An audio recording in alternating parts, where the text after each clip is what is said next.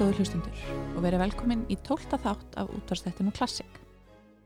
Ég heiti Nanna Kristjánsdóttir og í dag er förinni heitið til Fraklands. Nánar tiltekið til Hyrðar Lóðvíks 14. En MC-in þar var hinn ítalsk ættaði skrautlegi karakter Jean-Baptiste Lully. En áður en við hefjum leika langar mig að minna á að hægt er að nálgast alla tónlistina sem ég spila í þáttunum og meira til á Spotify undir mínu nafni. Bæði eru playlistar fyrir einstök tónskáld og svo líka einn master playlisti með öllu góðastöfinu. Lully fættist 28. november árið 1632 í Flórens sem þá var hluti af stórhertugadæminu Toskana. Að nafnunu til var það hluti af hennu heila rómanska ríki en kjarni þess var það sem nú er kallað Þískaland en það var þó hinn volduga og velluða Medici-ætt sem hafði töklu haldir í Toskana á þessum tíma. Lítið er vitað um barnæsku Lully sem hétt á ítölsku Giovanni Battista Lully annað en það að hann var að ætt malara og af þeim persónlegu gögnum sem varðvittust eftir hann máttu sjá að hann var velskrifandi svo að fóldrar hans virðast hafa geta veitt honum ágetismendun. Samkvæmt Lully sjálfum byrjaði hann ungur að nema tónlist og lærði á gítar hjá fransískanamunki í æsku. Þess utan lærði hann á fiðlu og byrjaði fljótt að sína áhuga á að skemta fólki. Árið 1646, þá 14 ára gamall, tók hann þátt í Marti di Grosso eða Feita þriðudeginum sem að er ítalska útgafan af Mardi Gras. Þar skemmt hann gestum og gangandi sem hinn svo kallaði Arlecchino sem á ennsku kallast Harlequin en sá er karakter eða mótíf í leikhúsi á þessum tíma vinalegur en oft hrekkjótur karakter. Arlekkínóar klættust yfirleitt einkennandi fötum sem voru með skræfótu tíklamunstri og með grímu. Stór hluti af skemmtarnagildi þessa Arlekkínóa var hversu liðuir þeir voru og allskins fimmleika trikk og flikk flakk helgjastök voru órjúvanlegur hluti af sjóinu. Lully hefur eflaust verið mjög hæfileikaríkur á því sviði þar sem hann vakti mikla lukku sem Arlekkínó. Ekki skemmti fyrir að hann leik samtímis þessu eins og engill á fylgu.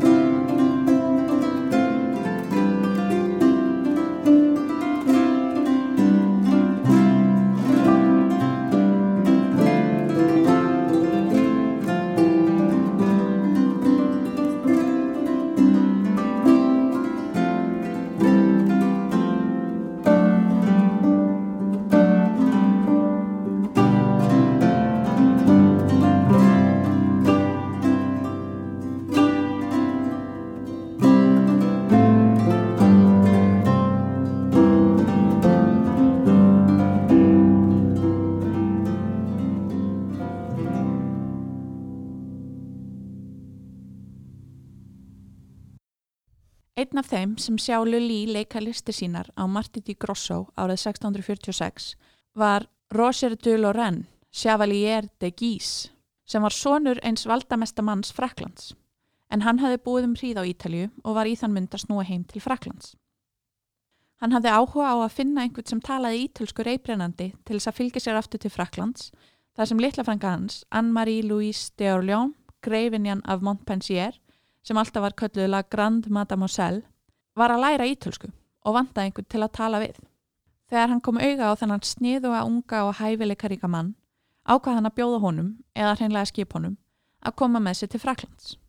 Frá árinu 1647 til 1652 var Lully hluti af þjónustuliði La Grande Mademoiselle og gengdi hlutverki Garçon de Chambre.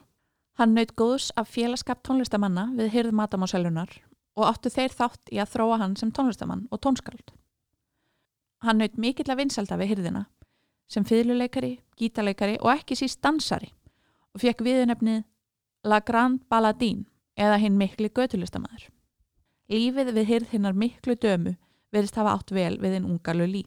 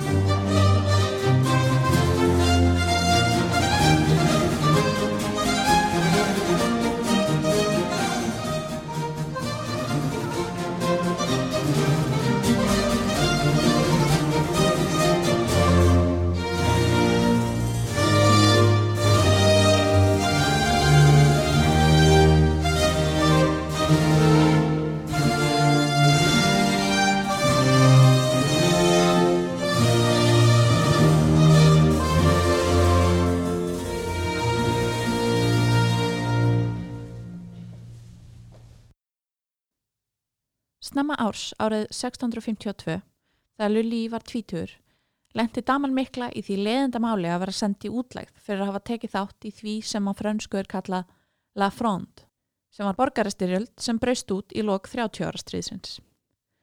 Lully sá engan tilgang í því að vera áfram í Fraklandi og baði um að fá að snúa aftur heim til Ítalju.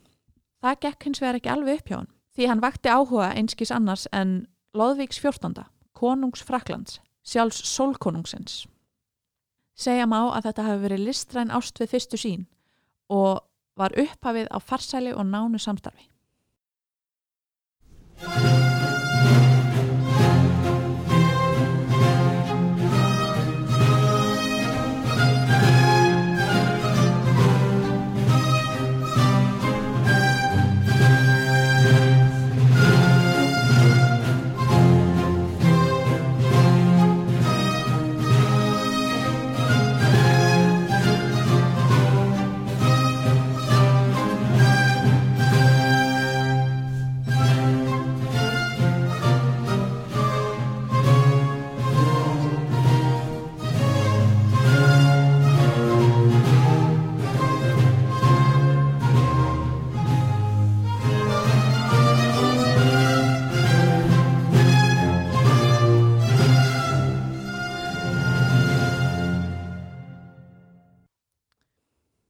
Lóðvík 14. var ekki bara líklega valdamesti maður síns tíma, heldur hafði hann alveg virkilega mikil menningarleg áhrif á samtíma sinn og setni tíma.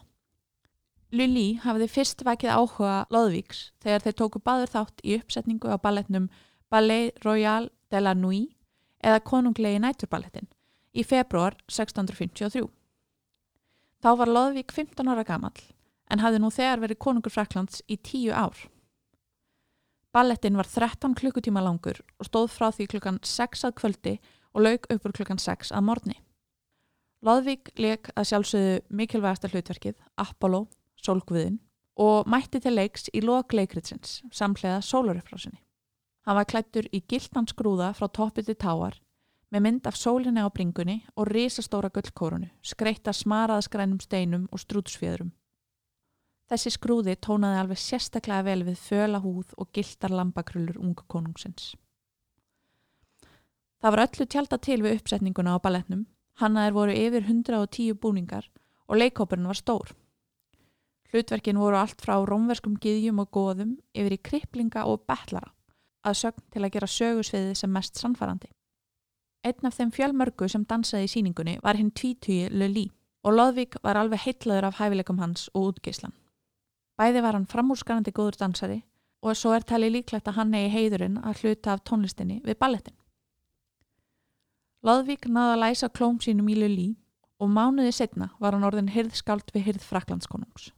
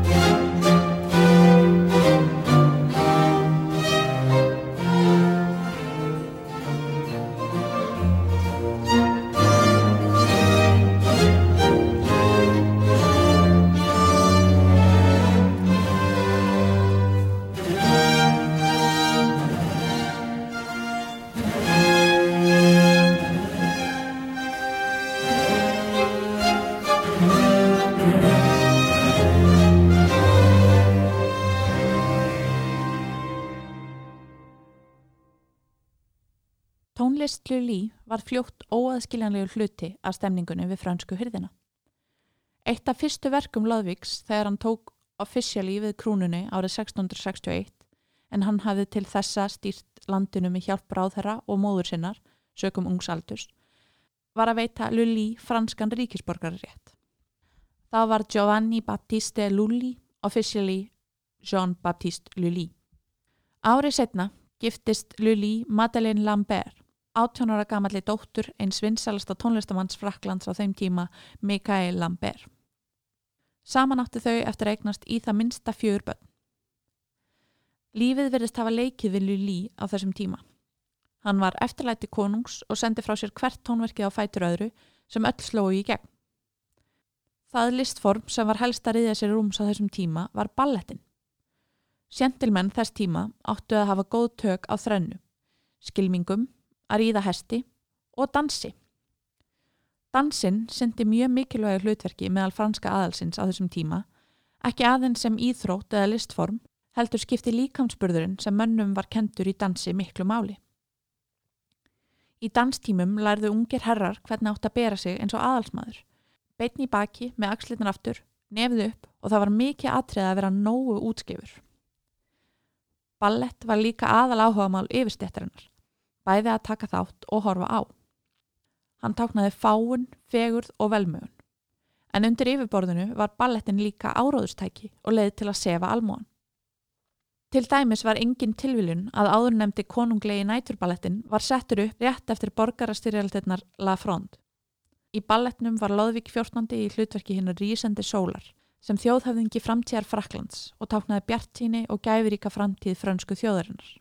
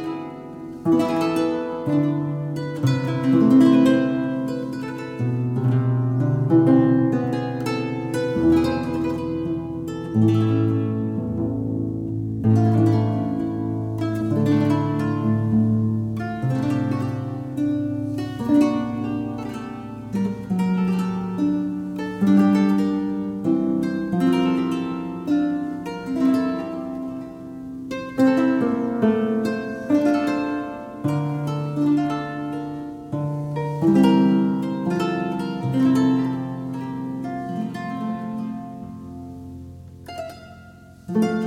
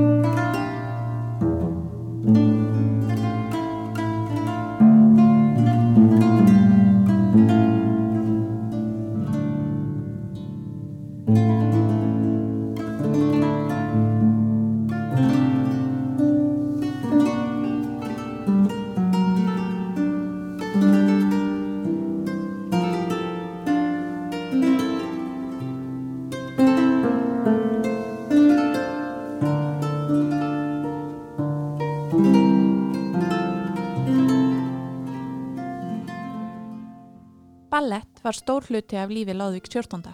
og hann hefði líka mikil áhrif á ballettin sjálfan sem listform. Hann æfði ballett á hverjum degi í 20 ár og tók þátt í fjölmörgum uppsetningum við fransku hyrðina. Fyrir tíma Lóðvíks 14. hafði verið lagt blátt bann við því að konur tæki þátt í ballettum. Þetta var karlasport og ef það var hvern karakter í balletnum þá var einum karldansarunum einfallega hendi kjól og máli leist. Ástæði þess var meðal annars svo að ef að konur tæki þátt þá þurftu þær óumflíjanlega að hoppa sem hluta af dansinum og þá var ég hætta á að það sæist í öklan á þeim en það var náttúrulega eitt af versta sem gætt hent prúðar megar á þessum tíma.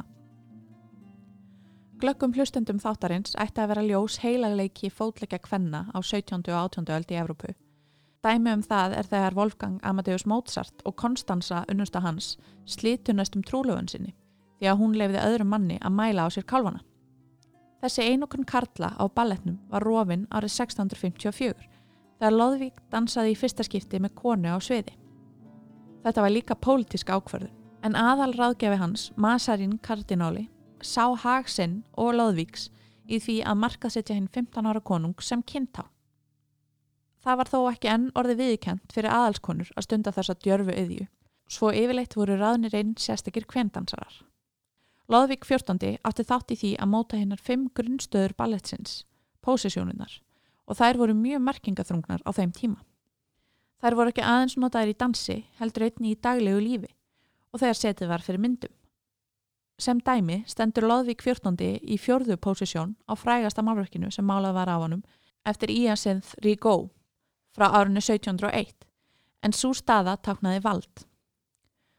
Þegar hann hætti sjálfur að dansa árið 1670 stopnaði Lóðvík 14. Franska Dansakademíu sem sá til þess að ballettmenningin blómstræði ennfrekar í Fraklandi. Lully sjálfur var líka príðiskoður dansari og samti fjölmarka af þeim ballettum sem settir voru upp í versölum á tímum Blóðvíks 14.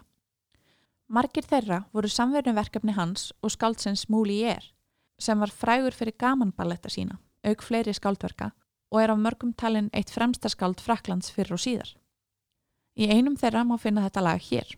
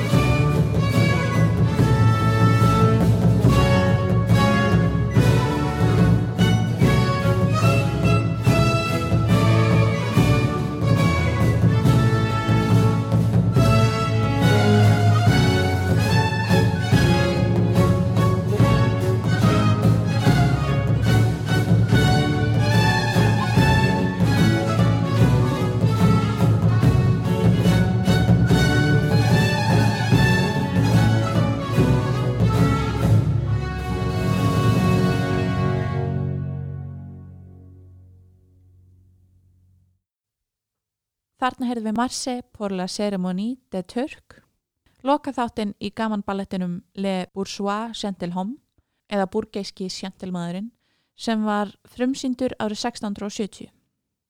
Þetta er líklega frægasta verk Lully og má meðal annars heyra það í myndinni Tout le matin du monde eða Allir heimsins morgnar frá árinu 1991.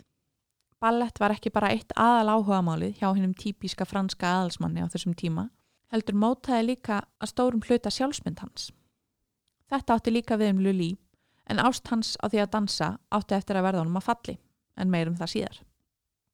Uppsetningarnar á ballettunum voru ekkert smá excessive. Hver síning kostaði um það byrj 59.000 föld vikulaun hins almenna borgara. Þetta er svona eins og ef Guðni Fossetti heldi einu svona ári 13 klukkutíma þemapartí fyrir nánustu vinni sína þar sem allir tippluð á tánum í ringi í kringumann í rándýrum búningum og veifiðu höndunum í takt við tónlist sem besti vinnur hann samti og hvert þessa partíja kostaði tæpa 5 miljardar af skattpenningum.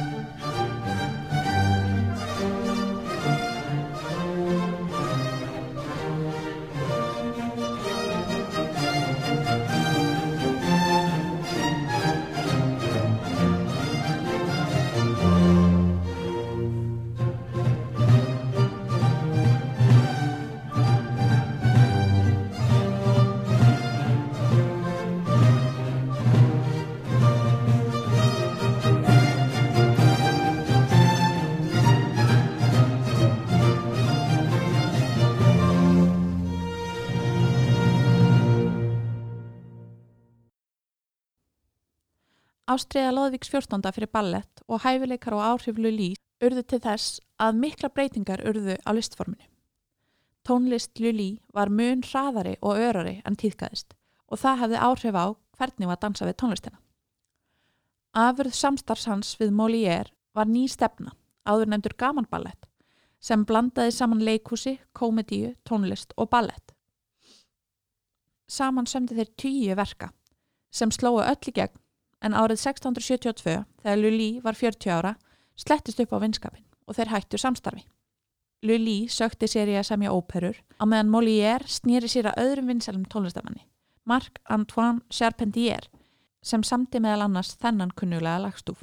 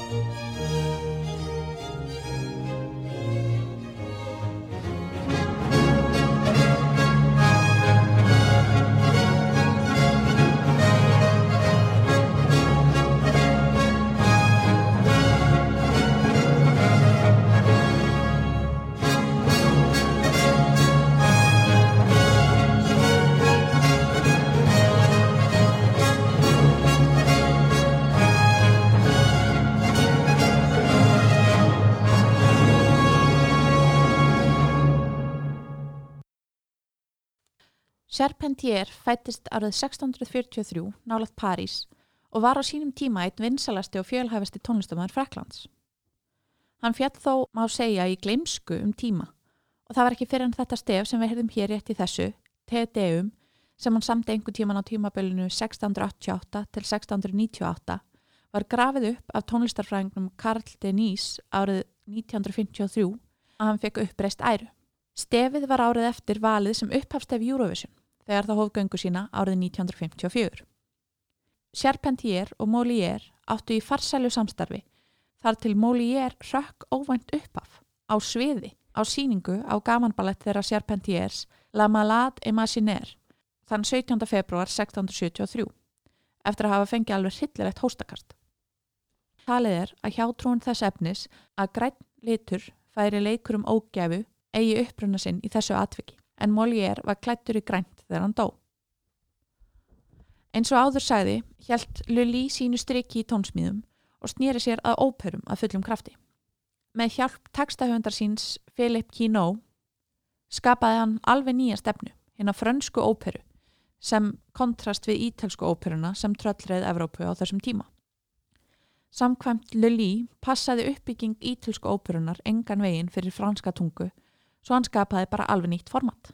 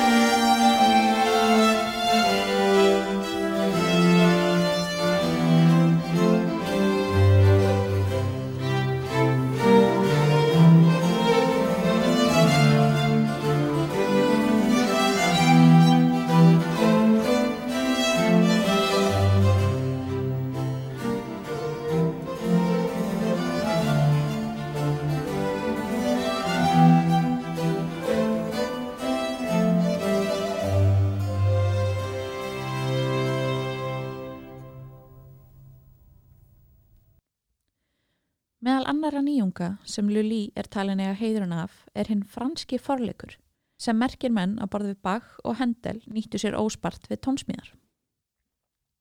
Á tímabilinu 1673 til 1687 samdi Lully um það byl eina ópera á ári sem allar nutu mikill að vinselda og hann var svo eini sem samdi óperur á þessum tíma í París.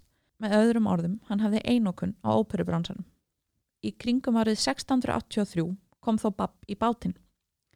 Laðvík 14. sem hafði til þessa verið ein helsta klappstýra Lully, misti drottningu sína, Maríu Teresu, og giftist á laun henni ungu Françoise d'Aubigny. Svo hefði mikil áhrif á konung. Hún var mjög trúið og áherslu Laðvíks 14. breytust töluvert með tilkomu hennar. Meðal áherslubreitinga var að hann misti nánast allan áhuga á óperu. Gekk meira segja svo langt að banna þær á tímabili. Þetta setti strik í rekningin í samskiptum þeirra félaga Lóðvíks og Lulí, en það sem kastaði þó tólfunum var ákveðin þáttur engalífs Lulí sem Lóðvík gætt engan veginn sætt sér við. Lulí var tvíkinheður.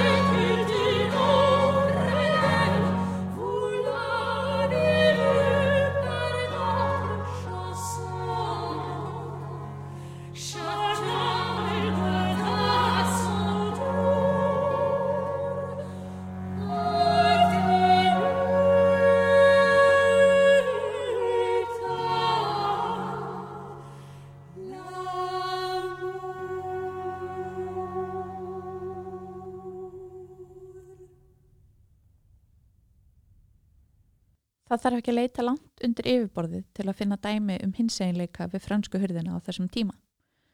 Raunar þarf ekki að leita lengra en til föður Lóðvíks 14. Lóðvíks 13. En þó hann hafi reynda útrýma sögusögnum um kynneið sína með því að senga með einstaka hjákonu, þá eru margir sem telja næsta víst að hann hafi verið meira fyrir karlmenn. Hann átti marga mjög nána karlkynnsvini, allt frá því að hann var unglingur og var sæður tregur til að senga með eiginkonu sinni önnu. Það tók þau sem dæmi meira en 20 ár frá giftingu að eignast Lóðvík 14. Um samband Lóðvíks 13. við einna félögum sínum segir í samtíma heimild að Lóðvík hafi elskaðan af ástríðu og að saman hafa þeir framkvæmt hundruði saurugra aðtapna. Dæmi nú hver fyrir sig. Önnur frásögn lýsir því hvernig náinn vinur Lóðvíks 13. var gómaður við að maka sig með lavandirolju í herbyggið sínu. Stuttu setna sást svo til Lóðvíks 13. fara inn í herbyggið. Good for them, segir nú bara. Annað mynd LGBTQI plus icon innan vekkja Versala var sonur Lóðvíks 13 bróðir Lóðvíks 14. Filip, herrtögin af Orleán. Sá var strax í æsku kallaður fríðasta barn í heimi og sem fullorðin maður gerða hann í því að bera sig á kvenlegan máta. Móðir hans, Anna Fraklands drotning, kallaði hann yðurlega litlu stúlkuna sína og hvatti hann til að klæðast kvennmannsfötum. Þrátt fyrir að vera allatíð reynskilinn varðandi kynneið sína, giftist hann oftar enn einu sinni og eignaðist mörg börn. Á fullanansárum sínum átt hann til að mæta á böll og skemmtanir klættur sem kvennmaður og talaði opinskátt um það sem hann kallaði ítalska löstin sinn, sem var samkynniðin. Þessir tendensar Fílíp voru eftir vill bara ágættis fyrirkomalag, því að samkynniður maður gæti aldrei orðið konungur og því var engin samkjæfni á milli bræðrana tveggja eða afkomenda þeirra um hver tæki við krúnunni. Þó að kynneið Lulís hafi gert út af við vinskap hans og Lóðvíks 14. var að mestu litið framhjá ítölsku löstum hans, innan gesalappa, sögum þess hver hæfileika ríkur og menningarlega mikilvægur hann var. En eitt er víst að hinn almenni frakki sem vek frá henni hefðbundinu sís gagginneiðar tvíhyggju var ekki svo heppin. Láðvík 14. herti refsingar á samkynneið og tvíkynneið á valdatíma sínum og dæmi eru um að menn hafi verið brendir á báli fyrir minni sakir þegar komað samkynneið en lulí.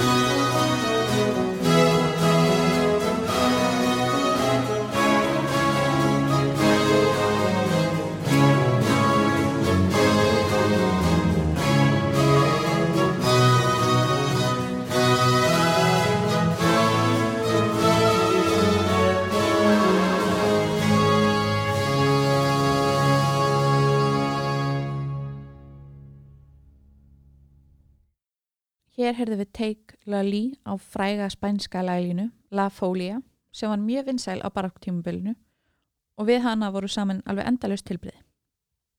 En eins og áður sæði varð Lulí ekki algjörlega útskóður frá hyrðinni og fekk enn nokkur gig enn á milli.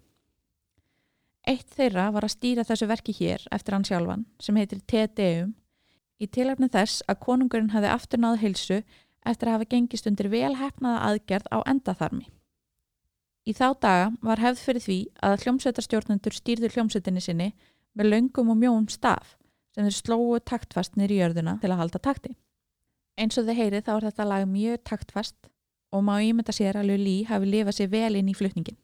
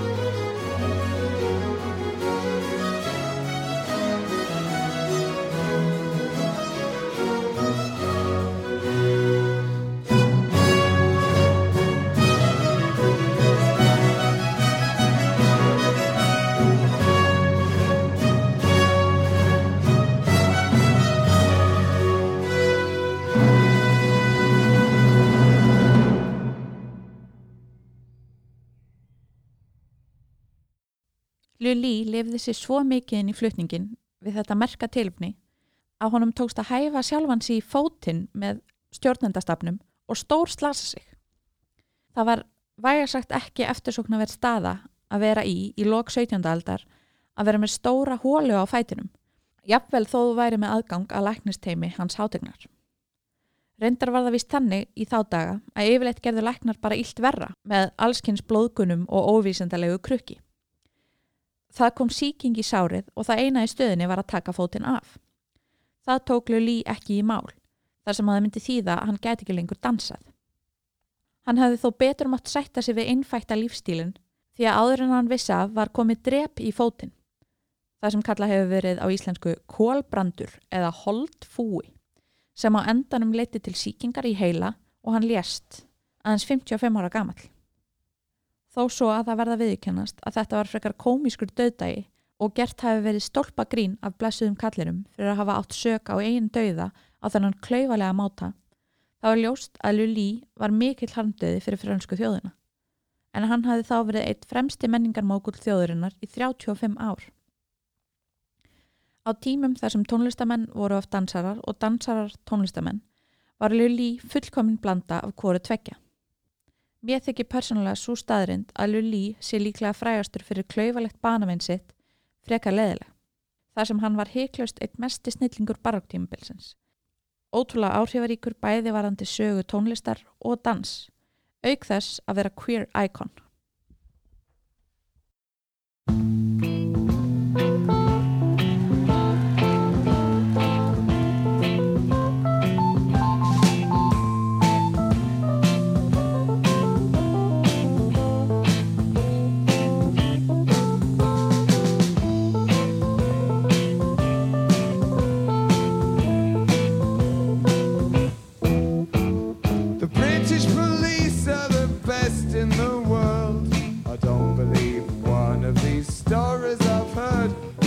Raiding our pubs for no reason at all.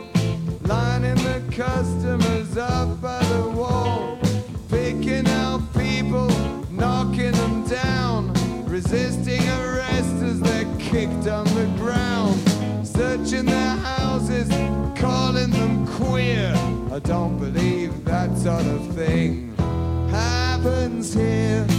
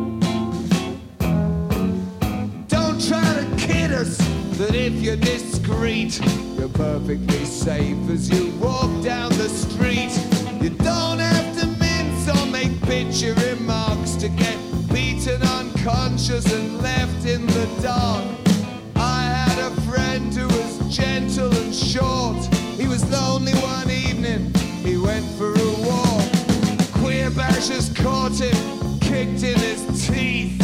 Was only hospitalized for a week, and he still bears the scars. Sing if you're glad to be gay. Sing if you're happy that way. Hey,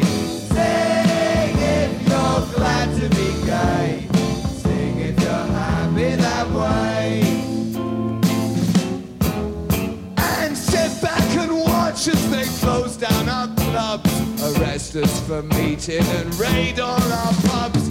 Make sure your boyfriend's at least 21, so only your friends and your brothers get done. Lie to your workmates, lie to your folks. Put down the Queen's tell anti-queer jokes. Gay lives ridiculous, join their laughter. The buggers are legal now. What more are they after?